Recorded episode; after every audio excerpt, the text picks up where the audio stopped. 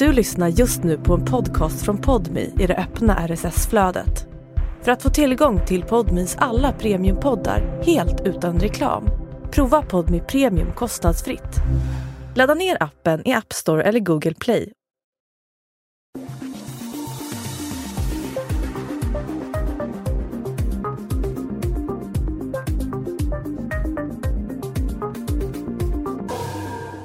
1994 beger sig den 33-årige familjefadern Peter till krogen Stadskällaren i Nyköping.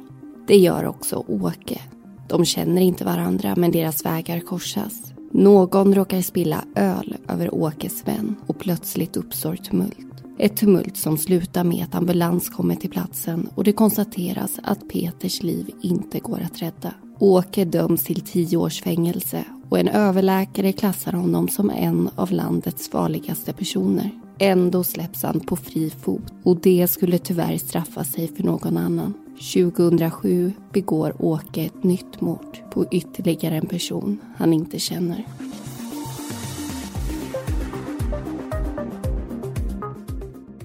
Du lyssnar på Mordpodden, en podcast om den mörka verkligheten.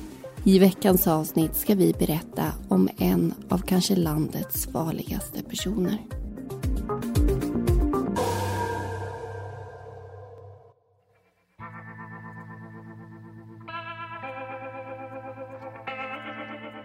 Det finns många anledningar till att vi gör den här podden. Dels för att personerna vi berättar om ska bli ihågkomna Dels för att människor som lyssnar ska reflektera över själva händelserna. Dels för att informera om det svenska rättssystemet och andra saker som vi tycker bör lyftas upp till ytan. Men också för att lärdomen av vissa fall kan hjälpa oss att förhindra att någonting liknande sker igen. I det här fallet hjälpte inte det förflutna framtiden. En person gick fri efter några år i fängelset trots alarmerande varningssignaler om hans risk för allmänheten. Och samma person mördade en gång till. Året är 1994. I en lägenhet i Nyköping bor 33-årige Peter, men inte ensam. Hemmet delar han med sin sambo och sjuåriga lilla dotter. I sambons mage ligger dessutom ett nytt litet liv och bakas som i början av september äntligen ska få möta sin familj och se världens ljus för allra första gången. Förutom familjen har sport och framförallt fotboll alltid varit en stor del av Peters liv. En vårkväll i mars ska han iväg på årsfest. Efteråt går han och några vänner vidare till krogen Stadskällaren i Nyköping för att avrunda den trevliga kvällen med en öl. Planen för Peter är sen att gå hem och krypa till sängs hos sin familj igen. Men den planen skulle en främmande man sätta stopp för. Allt på grund av en spilld öl. Åkes telefon ringer. Det är Tor. De båda männen har känt varandra i närmare 15 år. Tor undrar om han vill följa med till Stadskällaren på kvällen. De går hem till en gemensam bekant där de dricker sprit och beger sig sedan vidare till den föreslagna krogen Klockan är ungefär tio på kvällen. I bakfickan på Åkes byxor ligger en butterflykniv. På kroppen har han svarta byxor och en svart tröja. När de kommer fram tar Åke sikte på bardisken. Han står och småpratar med några där och dricker en öl. Åke rör sig sedan vidare genom lokalen och ställer sig i passagen som förbinder baren med rummet där dansgolvet ligger. Vid ett långt, smalt bord i den andra delen av passagen står Peter och tre andra män från årsfesten. Åkes vän Tor är på väg från baren till dansgolvet och kommer gåendes mitt i gången. När han går förbi gänget från årsfesten råkar en av dem skvätta ut öl över Tors högra sida. Både hans skjorta och byxor blir blöta av den lilla olyckan. Han försöker uppmärksamma personen som råkat spilla på vad som precis hände och kräver att han ska betala kemtvätt för kläderna. Åke har stått och bevittnat hela scenen. Av någon anledning gör den honom ordentligt arg. Så pass arg att säkringen hos honom går. Vittnen beskriver det som att han studsar upp och ner på fötterna som en boxare och gör utfall med armarna. Någon skriker att han har en kniv och det stämmer. Butterflykniven som hittills legat gömd i byxfickan befinner sig nu i Åkes hand. Peter tar sig plötsligt för ljumsken. En person frågar om han halkat. En annan undrar vad som har hänt. De får bara ett ”jag vet inte” till svar innan han faller till marken. En man rusar fram och drar ner Peters byxor för att försöka hitta skadan och stoppa blodflödet. Och det är inte bara han som blivit skadad. Två andra män i sällskapet har också blivit knivskurna. Alla tre kämpar för sina liv. Samtidigt springer Åke mot entrédörren. Han får problem med att få upp den. Två män rusar fram, men backar tvärt. Åke riktar nämligen kniven mot dem och gör stickande rörelser i luften. Männen vågar inte gå närmare utan håller sig på ett par meters avstånd. Till slut går dörren upp och Åke lämnar lokalen och tumultet han skapat bakom sig. Peter körs i ilfart med ambulans till sjukhus men hans liv går inte att rädda. Det tar slut den natten på grund av lite spilld öl. De andra två knivskurna männen har skadats allvarligt och svävar länge mellan liv och död. Men de har turen på sin sida och klarar sig. För Södermanlands Nyheter berättar Peters dotter att hon på natten blev väckt av sin mamma som sa att de var tvungna att åka till sjukhuset. Dagen därpå fick de det fruktansvärda beskedet att deras kärlek och pappa inte hade klarat sig. Ett besked man nog inte förstår hur det är att ta emot utan att ha upplevt det själv. Mordet påverkar stämningen i hela Nyköping. Småstadsidyllen har fått sig en rejäl törn efter den brutala ofattbara natten. Den 13 mars, dagen efter mordet, anmäler Åke sig själv till polisen. Han påstår att han har flera minnesluckor. Han vet att han utdelade knivhugg mot en av personerna som klarade sig men menar att det var utan uppsåt. De två andra gärningarna kan han varken erkänna eller förneka eftersom han inte minns dem. Utredningen leder till åtal och rättegång. Tingsrätten köper inte hans resonemang. Vittnen har sett honom attackera Peter och han måste själv ha insett att hans anfall med stor sannolikhet skulle leda till döden. Vilket de är övertygade om också var syftet. Dock så tyder situationen på att det inte var planerat utan hände i stundens hetta. Därför döms han inte för mord utan för dråp, försök till dråp och olaga hot. Straffet blir tio års fängelse. Åke är inte alls nöjd med domen. Han gör en överklagan till hovrätten men drar tillbaka den. Förmodligen av rädslan att riskera ett ännu högre straff. Men kampen för att ändra domen och få upprättelse har bara börjat. Åke lämnar så småningom in två resningsansökningar som får avslag av både hovrätten och Högsta domstolen. Han ägnar en stor del av sin vakna tid åt att kartlägga och ifrågasätta personerna som har med domen i tingsrätten att göra. Han är hämndlysten. Domslutet från 1994 menar han är en rättsskandal utan like och han är beredd att gå långt för att uppnå vad som i hans ögon är rättvisa.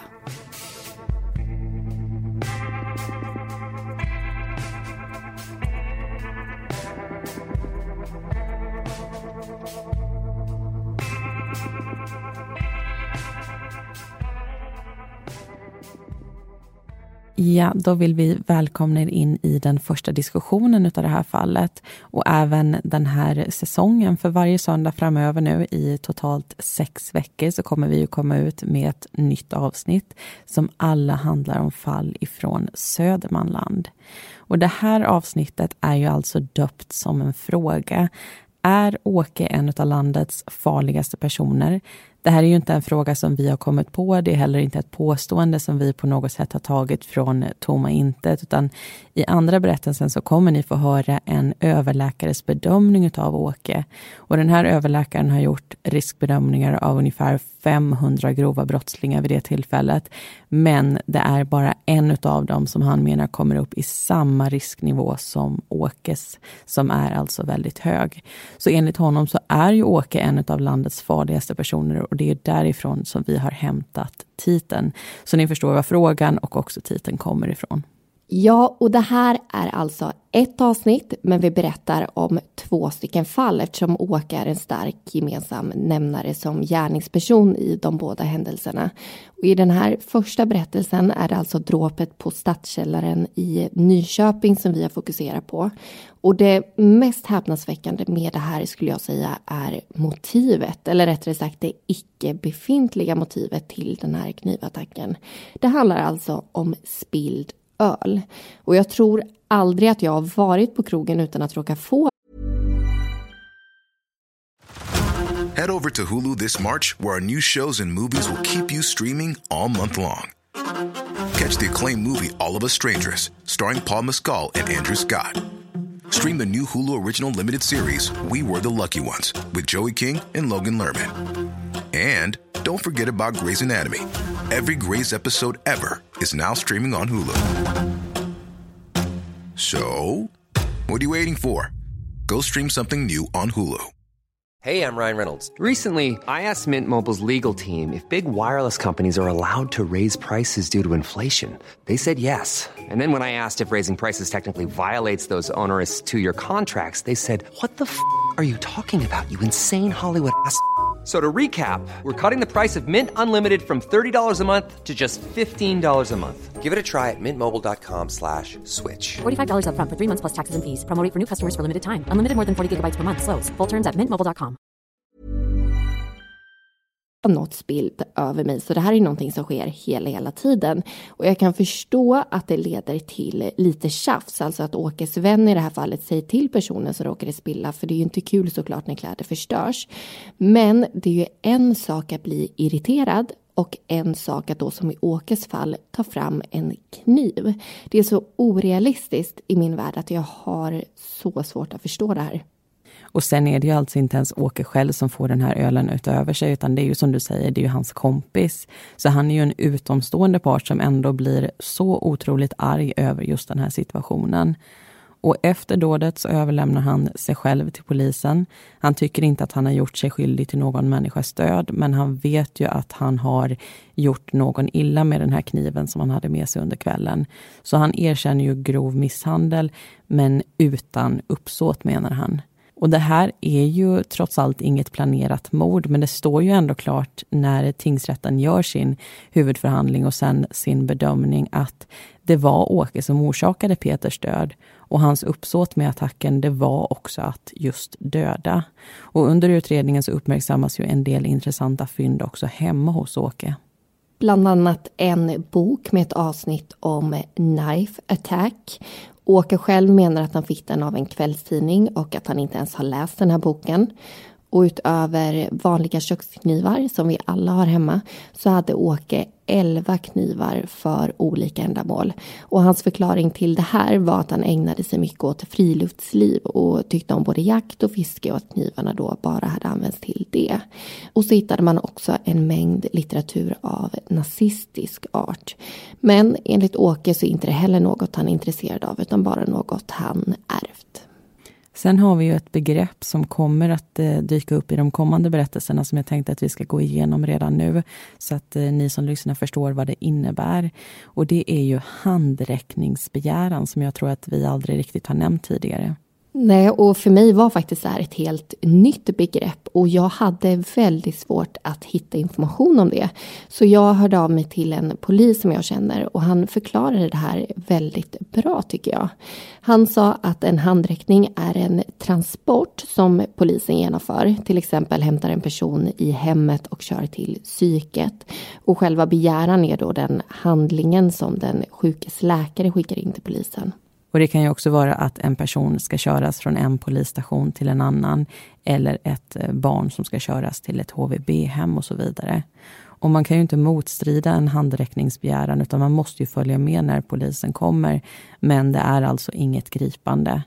Och med den förklaringen så tror jag och hoppas att vi har det som vi behöver för att släppa den här diskussionen och gå tillbaka och vidare in i berättelsen.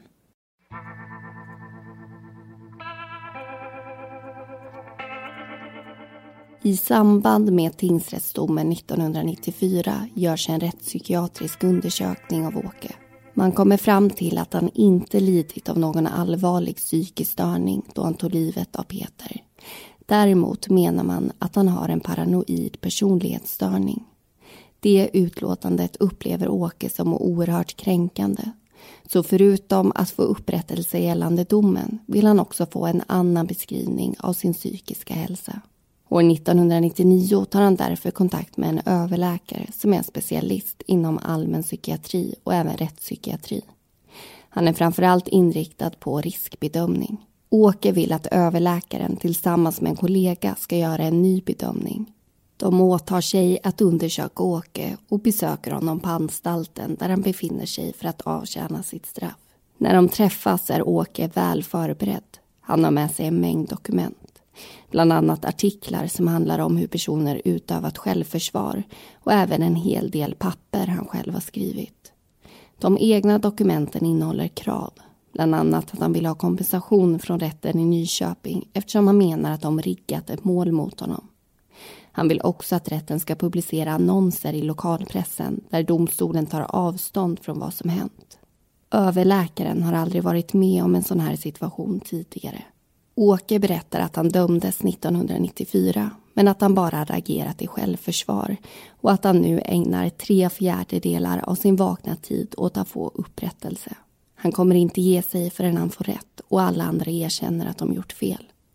Han berättar också att han känner sig oerhört kränkt av slutsatserna som presenterats i den rättspsykiatriska utredningen som enligt honom är felaktiga. Så anledningen till att han nu ber om överläkarens hjälp är att han vill ha ett nytt utlåtande. Men det nya resultatet som presenteras är inte alls vad Åke hoppats på. Långt ifrån.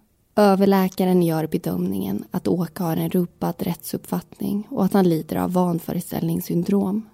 Han har tidigare gjort riskbedömningar av ungefär 500 grova brottslingar och det är bara en av de individerna som nått upp till Åkes risknivå.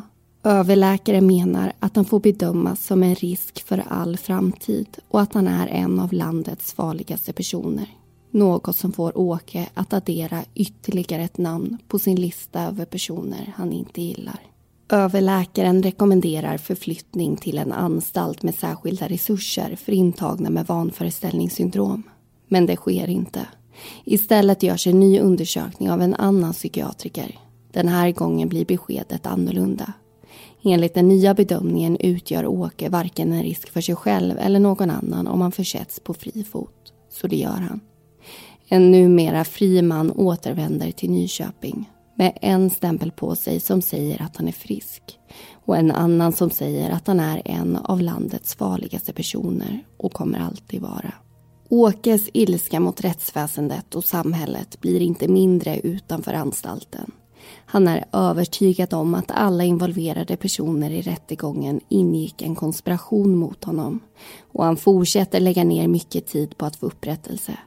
Han skickar ett stort antal skrivningar till olika instanser och kartlägger flera personer och deras familjer. En av dem är överläkaren. Mellan 1999 och 2007 har de ingen kontakt. Men den 19 juni klockan kvart över sex på kvällen får läkaren ett samtal från sin fru. Hon berättar att hon har fått ett brev från någon som heter Åke och undrar om mannen vet vem han är. Och det gör han mycket väl. Men frågan är vad han vill. Frun låter skärrad och överläkaren tänker att det är nu allting börjar. Hon berättar på ett ungefär vad brevet innehåller men mannen vill se det med egna ögon och ber henne skicka upp en kopia till Sundsvall där han för tillfället befinner sig. När han väl får det i sin hand reagerar han på att det vänder sig till hans familj. Brevet innehåller inga direkta hot men det finns en hotfull ton bakom orden. För första gången någonsin gör yrkestiteln honom väldigt rädd. En formulering lägger han extra stor vikt på. Att Åke vill ha en privat lösning om de inte gör som han vill. Vad innebär det? Utan att tveka kontaktar han polisen och berättar vad som hänt. Polisen förklarar att de behöver en begäran om handräckning och i så fall ska de definitivt ta Åke. Överläkaren läser in sig på hur lagstiftningen ser ut och tar kontakt med personer som hjälper honom att utföra ett underlag och begär sen handräckning. Kriminalinspektör Klas är en av dem som tar emot begäran. Han var också en av de första poliserna på plats under krogbråket 1994 och vet därför mycket väl vem Åke är. Tillsammans med handräckningsbegäran kommer information om att Åke dömts för dråp 1994 och att han nu hotat företrädare inom psykiatrin. Dessutom står det att han bedöms som farlig. Insatsen ska ske med egen personal och förstärkning från Katrineholm. Det anges två adresser där Åke skulle kunna befinna sig. Dels vid en sommarstuga och dels vid hans mammas lägenhet. Kriminalinspektör Klas begär att få tillgång till en förhandlare eftersom deras huvudstrategi kommer vara att övertyga Åke om att själv överlämna sig till polisen. Han ger polisen Mattias och hans kollega i uppdrag att byta om till civila kläder och åka till Åkes mammas lägenhetshus för att spana där. Deras instruktioner är att rapportera till honom om någonting händer och att bara ingripa om en nödvärnssituation uppstår. Mattias är korrekt, påläst, lugn och sansad. Med andra ord en väldigt bra polis. Så Claes känner sig trygg med att ge just honom den rollen. Klockan två på eftermiddagen hålls ett informationsmöte för personalen som ska delta i insatsen. Deltagarna får se bilder av Åke så de vet hur personen de ska omhänderta ser ut. De får också veta vad som hände 1994 och att han nu klassas som en farlig person. Sen går de igenom hur själva ingripandet kommer gå till och tilldelas roller, placeringar och uppdrag. Huvudstrategin är alltså att få Åke att överlämna sig själv genom en förhandlare. Men lyckas inte det står de alla redo. Polisen Mattias är inte med på mötet eftersom han redan har blivit utskickad.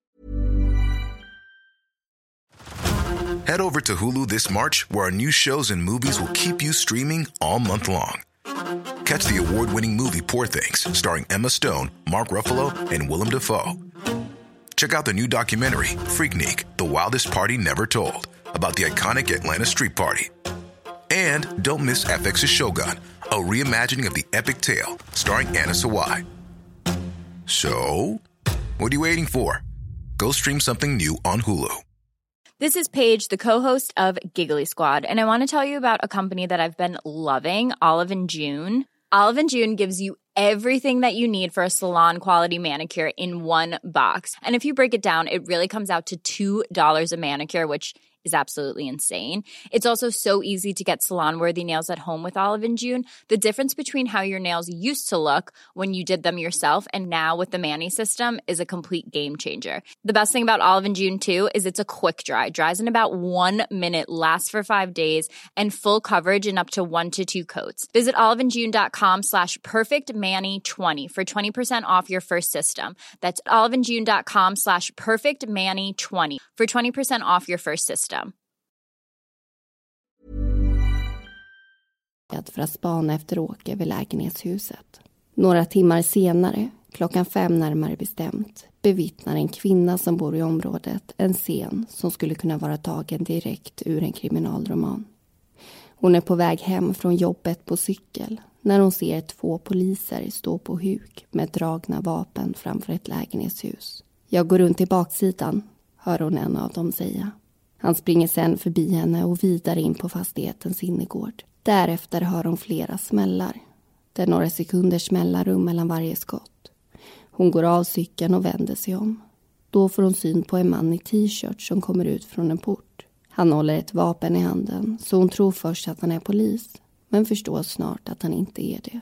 En riktig polis ropar nämligen stanna och skjuter varningsskott i luften. En kollega kommer springandes en liten bit efter. Han blöder.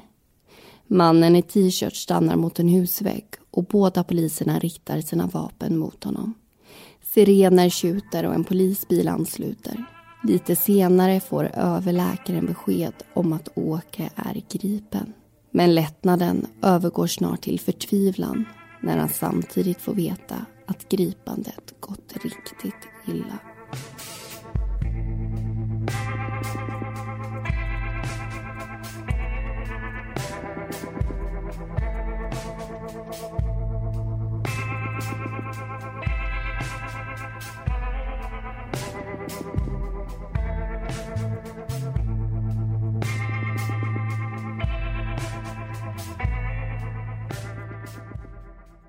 Mm. Det där gripandet går alltså inte som det var tänkt och vad det är som händer mer specifikt, det ska vi lyssna till i den sista berättelsen. Men innan vi tar oss dit så ska det ju diskuteras. Och som ni förstår så är det ju alltså det här brevet som läkaren och närmare bestämt hans fru tar emot som sätter hela den här händelsen i rullning. Och vi tänkte ju här i diskussionen berätta lite om innehållet i det.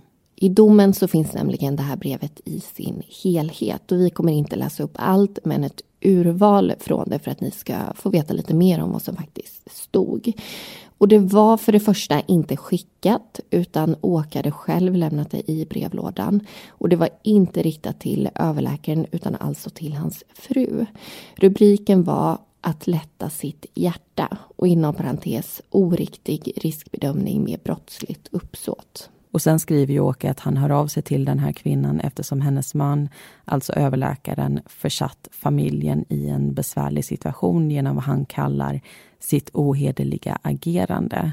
Och han förklarar att bakgrunden till det här det är en psykiatrisk riskbedömning som hennes man gjorde för några år sedan och att den här bedömningen genomfördes helt i strid med det lagtekniska regelverket. Och det här är alltså Åkes syn på den här bedömningen ska vi säga. Det här är ju påståenden han själv skriver i brevet och ingenting som har styrkts på något annat vis. Men man förstår ju att det är extremt obehagligt att ta emot ett sånt här brev. Och det fortsätter och Åke tycker då att överläkaren har haft ont uppsåt och medvetet gjort en felaktig bedömning och det vill han nu ha upprättelse för. Så sen kommer också rubriken Hur ska vi lösa detta? Helst vill Jåke att de ska kontakta Nyköpings tingsrätt och att läkaren där ska erkänna vad han anser är brott och omedelbart belägga sig själv med yrkesförbud. Och om han inte gör så, så står det att de får diskutera en privat lösning på den uppkomna situationen. Och det är ju främst den meningen som överläkaren tycker är obehaglig och det förstår jag. För han vet ju inte exakt och vi vet inte heller vad Åke menar med just en privat lösning. Och det här brevet blir ju till en åtalspunkt. En åklagare anser alltså att det finns någonting brottsligt i det hela. Men det är ju inte läkaren som blir misstänkt utan det är ju Åke själv. Innehållet är nämligen sånt att han kan ha gjort sig skyldig till olaga hot. Och Åke får såklart ge sin förklaring till det här brevet. Han menar att det enda syftet med det var att få överläkaren att erkänna att riskbedömningen han gjorde 1999 var felaktig.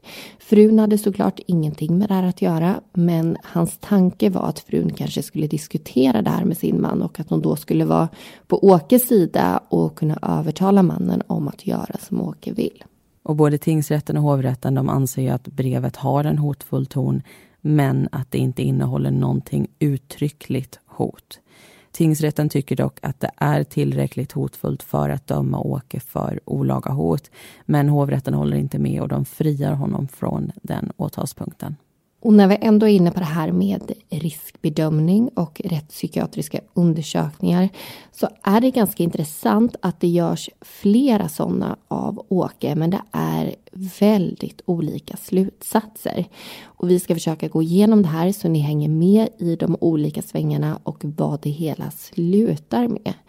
När Åke döms 1994 framgick det i den rättspsykiatriska undersökningen som gjordes då att han inte ansågs ha begått gärningarna under påverkan av en allvarlig psykisk störning. Det var ju därför han också kunde dömas till fängelse.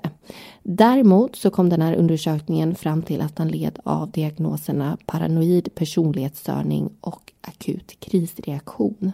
Och Åke var inte nöjd med detta utan han bad ju överläkaren och han bad en kollega att göra en ny bedömning under fängelsevistelsen.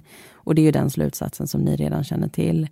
Eh, och där i så nämndes ju bland annat diagnosen vanföreställningssyndrom. Och Åke kontaktade då ytterligare en specialist inom allmänpsykiatrin som gjorde en ny bedömning och kom då fram till att han var psykiskt frisk. Och när han sedan döms för nya brott 2007 så görs såklart ytterligare en rättspsykiatrisk undersökning. Och inte heller här så är ju beskeden solklara utan de är ju faktiskt långt ifrån det. Och det här är ju väldigt viktigt eftersom det faktiskt avgör om det är vård eller fängelse som ska bli påföljden. Enligt den rättspsykiatriska undersökningen 2007 så är vård den rätta vägen att gå. Slutsatsen blir att han lider av en allvarlig psykisk störning och att han till följd av sitt psykiska tillstånd och personliga förhållanden i övrigt är i behov av psykiatrisk vård som är förenad med frihetsberövande. Men på åklagarens begäran så hämtar tingsrätten även in yttrande från Socialstyrelsens rättsliga råd. Och där framgår det att den psykiska störningen inte är allvarlig och att han inte är i behov av vård. Och den rättspsykiatriska undersökningen och Socialstyrelsens bedömning de säger ju alltså emot varandra i det här. Och det är ju tingsrätten som fattar beslutet i sådana här ärenden. De väger ju in sådana här utlåtanden. Och i det här fallet så väljer de ju att gå på Socialstyrelsens väg vilket innebär att fängelse är den rätta påföljden. Och i den tredje berättelsen kommer vi berätta om den här handräckningsbegäran som genomförs och som tragiskt nog slutar med en polisdöd. Och nu säger jag polis och det gör vi även i avsnittet. Men jag vill också påminna om att även när en person dör i tjänst och det fokuseras mycket i medier och sådär på själva yrkestiteln så får vi inte glömma att det är en person bakom. Vi alla kliver ur våra yrkesroller när vi kommer hem och det gjorde såklart även han. Så det är bara en, en liten tanke jag vill skicka med att när vi sänder en tanke till honom och hans anhöriga så tycker jag inte bara vi ska tänka på honom som polis utan att det faktiskt var en helt vanlig människa under uniformen som inte fick fortsätta sitt liv och uppleva det som det vanliga livet har att erbjuda. Och precis som 1994 så har Åke en egen bild av det som händer 2007 och den stämmer inte alls överens med de övriga inblandades. Enligt honom så visste han inte att de som hämtade honom var poliser och allt han gjorde menar han att han gjorde i självförsvar. Att han agerade i nödvärn där han blev attackerad av för honom okända personer. Men tingsrätten bedömer polisernas berättelser som mer trovärdiga och det är ju deras samlade vittnesmål och upplevelser som vi ska få lyssna på nu i den tredje och den sista berättelsen av det här fallet. Och innan vi gör det så vill jag bara förklara en sak. För det här kommer nästan låta som en spänningsroman, som att det är taget från en Beck-film. Och jag vill förtydliga att det inte är vi som spär på eller försöker få det här att låta spännande. För det var helt enkelt så här det stod beskrivet i domen. Och det kan nog faktiskt vara en av de mest intressanta domarna jag någonsin har läst tror jag. Men det gör ju också att det är extremt viktigt att ha med sig att det här inte är påhittat utan faktiskt en händelse som har hänt på riktigt som berör riktiga personer. Så tänk på det även om det är ett väldigt händelsefyllt förlopp vi kommer få lyssna på. Och nu lyssnar vi vidare.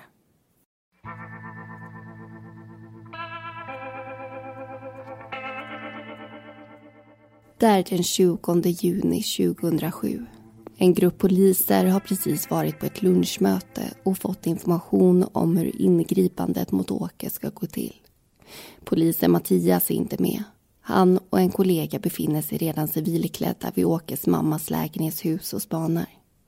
Deras uppgift är att rapportera om någonting händer och bara ingripa om det uppstår en nödvärnssituation. Snart blir Mattias kollega instruerad om att åka till Åkes stuga och hålla utkik där istället och Mattias blir därför ensam kvar. Hundföraren Walter åker även han till fritidsfastigheten för att rasta hunden och samtidigt spana. Men det verkar folktomt i området så spaningen läggs ner och han blir snart ombedd att göra Mattias sällskap vid lägenheten. Walter parkerar sin bil en bit ifrån adressen och tar fram sitt tjänstevapen, pepparspray, handfängsel och mobiltelefon. Sen möter han upp Mattias i trapphuset. De lokaliserar lägenheten på andra våningen där Åke eventuellt befinner sig och går sen ner och bevakar ingången till huset. Om han dyker upp har de fått order om att låta honom gå upp i bostaden. Där ska han kontaktas av förhandlaren och sen tas om hand av polis. Det låter som en trygg, lugn och på pappret enkel plan. Men den skulle sluta på värsta tänkbara sätt. Plötsligt får Mattias och Walter syn på en man inne i fastigheten som de misstänker är Åke. Han hade inte gått in genom entrédörren de bevakar utan måste ha tagit sig in genom någon källaringång.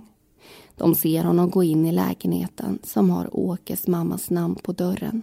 Polisen och hundföraren meddelar sina iakttagelser till insatschefen på en gång som i sin tur säger till förhandlaren att det är hans tur att fullgöra sin roll i uppdraget och ringa till lägenhetens fasta telefon. Poliserna Linus och John blir till en början tillsagda att vänta inne på polisstationen medan de båda adresserna kollas upp. Rastlösheten börjar krypa i deras kroppar. De vill också hjälpa till. Men det är såklart viktigt att platserna kollas upp först så att de direkt åker dit insatsen kommer äga rum. Och till slut får de instruktioner om att åka till lägenheten och ställa sig i ett dolt läge med sin målade polisbil. Runt tretiden på eftermiddagen glider de in på adressen och parkerar i en korsning bakom en häck. Ett perfekt läge. Där står de gömda för sin omgivning men har ändå full uppsikt över den aktuella trappuppgången. De får snart sällskap av en ambulans som även den parkerar dolt i närheten av dem. Poliserna och ambulanspersonalen börjar småprata men blir snart avbrutna av en kollega som kommer förbi och berättar om den stundande insatsen. Förhandlaren ska alldeles strax ringa upp till lägenheten. Mattias och Walter ska vänta ner i trappuppgången så inte Åke smiter ut. De har fått order om att befinna sig så långt ifrån Åkes dörr som möjligt men ändå ha uppsikt över den. Och Linus och John ska vänta i ett bakre läge i sin bil. Förhandlaren slår in telefonnumret och signalerna går fram. Poliserna som deltar i insatsen lyssnar genom medhörning. Ton efter ton avlöser varandra, men ingen svarar. Det görs ett nytt försök, men ingen lyckas den här gången heller. Snart ser Mattias och Walter Åke lämna lägenheten och komma ner i trapphuset. De bestämmer sig för att ta honom på vägen ner. Mattias har sin polislegitimation i vänster hand och pepparspray i den högra. De går fram och Walter berättar att de är från polisen. Åke frågar vad de vill och poliserna förklarar att de är där på grund av en handräckningsbegäran. Åke vänder sig då snabbt om och börjar springa upp för trappan tillbaka mot lägenheten. Walter försöker hindra honom genom att lägga en hand på hans axel. Åke gör då en 180 graders vändning och springer förbi poliserna nerför trappan och in genom en dörr med frostat glas. Mattias lyckas få tag i hans arm men Åke sliter sig loss och fortsätter springa. Mobilkontakten är öppen så poliserna på stationen hör att det är kaotiskt men vet inte riktigt vad det är som händer. Linus och John undrar om de ska rycka in och bestämmer sig för att göra det. Kör, kör, kör! ropar en av dem medan den andra kastar i växelspaken, trycker gasen i botten och kör mot porten. Åke springer genom en korridor med Mattias hack i häl och Walter ett par steg efter. Mattias lyckas komma förbi och sprayar Åke i ansiktet med pepparsprayen. Men det är inte bara han som får den svitande vätskan i ögonen utan även kollegan Walter som blir förblindad och kämpar för att hålla ögonen öppna. Genom sitt kisande ser han Åke göra en rörelse och treva efter något i byxfickan. Walter backar och varnar Mattias om att Åke har något i fickan. Sen försvinner hans syn helt och hållet. Det är nu bara hörseln som hintar honom om vad som händer. Då hör han hur det smäller till. Flera gånger. Han springer bakåt och frågar vem som skjuter, men får inget svar. Han riktar sitt vapen framför sig samtidigt som han backar men avfyrar det inte eftersom han inte vet vad eller vem som är där. Utanför huset möts han upp av Linus och John som precis har kommit fram. Han förklarar att han är utslagen av pepparsprayen och att Åke troligtvis har sprungit ut på innergården. Linus drar sitt tjänstevapen och informerar kollegan John om att han tänker gå runt hörnet och kolla läget. När han kommer runt får han syn på en man lite längre fram som står lutad mot husväggen. I sin högra hand har han en pistol. Mannen rör sig bortåt mot nästa hörn. Kroppsspråket och vapnet i handen skvallrar om att han är polis. Linus drar slutsatsen att det måste vara Mattias. Han har aldrig träffat honom förut eftersom Mattias missade informationsmötet och vet inte hur han ser ut. Linus bestämmer sig för att följa efter på avstånd eftersom Mattias säkert är på väg mot Åke. De befinner sig ungefär 15 meter ifrån varandra. Mannen med pistolen svänger runt ett hörn och när även Linus kommer runt står mannen med ryggen mot honom. Framför honom står ytterligare en person som viftar och pekar. Då vänder sig mannen om, som Linus hittills trott varit Mattias. Men han förstår nu att det inte är det. Mannen tar nämligen upp sitt vapen, riktar det mot honom och skjuter. Det måste vara Åke. Samtidigt som Linus blir beskjuten duckar han, avfyrar sitt eget vapen och backar bakom en vägg. Men där snubblar han till och slår pistolen i marken. Manteln hakar upp sig och vapnet går därför inte längre att använda. Han kan inte stå kvar där utan springer vidare tills han stöter på kollega John. Linus berättar att han blivit beskjuten och när han lyfter upp sin tröja ser han att ett av skotten träffat hans arm. Plötsligt får han syn på Åke och skriker till John som sätter fart. John avlossar två varningsskott upp i luften och beordrar Åke att stanna. När han och Linus kommer ikapp riktar de sina vapen mot honom och skriker åt honom att lägga sig på marken. Men mannen lyder inte utan vandrar bara fram och tillbaka längs husväggen. Då tar John fram pepparsprayen och trycker så hårt och länge att Åke nästan blir gulaktig av den. Ändå reagerar han knappt, utan fortsätter bara gå. Som om han är immun mot den svidande vätskan. Lägligt tjuter sirener och en till polisbil kommer till platsen. Tillsammans får de till slut Åke att vända sig mot väggen med armarna utsträckta. Handfängsel åker på och han leds till polisbilen. Där visiteras han och i magväskan ligger en pistol. Hundföraren Walter, som nu har sköljt ur sina pepparsprayade ögon, återvänder till källargången. Han sätter sig på huk i dörrposten och riktar sitt vapen mot dörren längst bort i gången. Han ser kollegan Mattias ligga på rygg och trots att Walter ropar hans namn säkert nio gånger får han inget svar. Inte ens en reaktion. Han vinkar till sig en ambulans och när de får bekräftat att Åke är gripen går de in och hjälps åt att bära ut Mattias i friska luften. Där påbörjas hjärt och lungräddning. Men det är för sent. Hans liv går inte att rädda. Insatsen som hoppades kunna ske utan våld slutade med en ung mans död. En man som dog i tjänst, som ville göra gott för samhället men som fick betala på värsta tänkbara sätt. Även om flera rättspsykiatriska undersökningar kom fram till olika slutsatser om Åkes psykiska hälsa finns det ett påstående som inte går att backa ifrån. Att han var en farlig person. En historia som den från Stadskällaren 1994 får bara inte återupprepas. Men det gjorde den. Det drabbade andra personer men orsakade ändå samma sorg och samma smärta. Den här gången dömdes Åke till livstidsfängelse.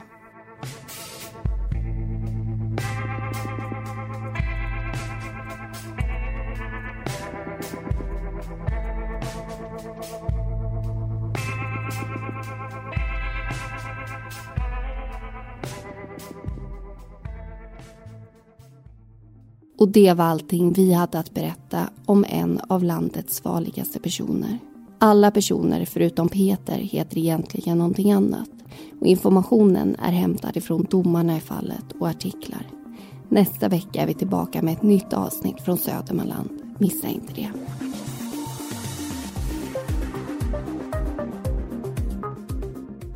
Du har lyssnat på Mordpodden. Vi som har producerat den heter Amanda Karlsson och Linnea Bolin. Bakgrundsmusiken var bland annat Soaring av Kevin MacLeod och Deep Space av Audionautics.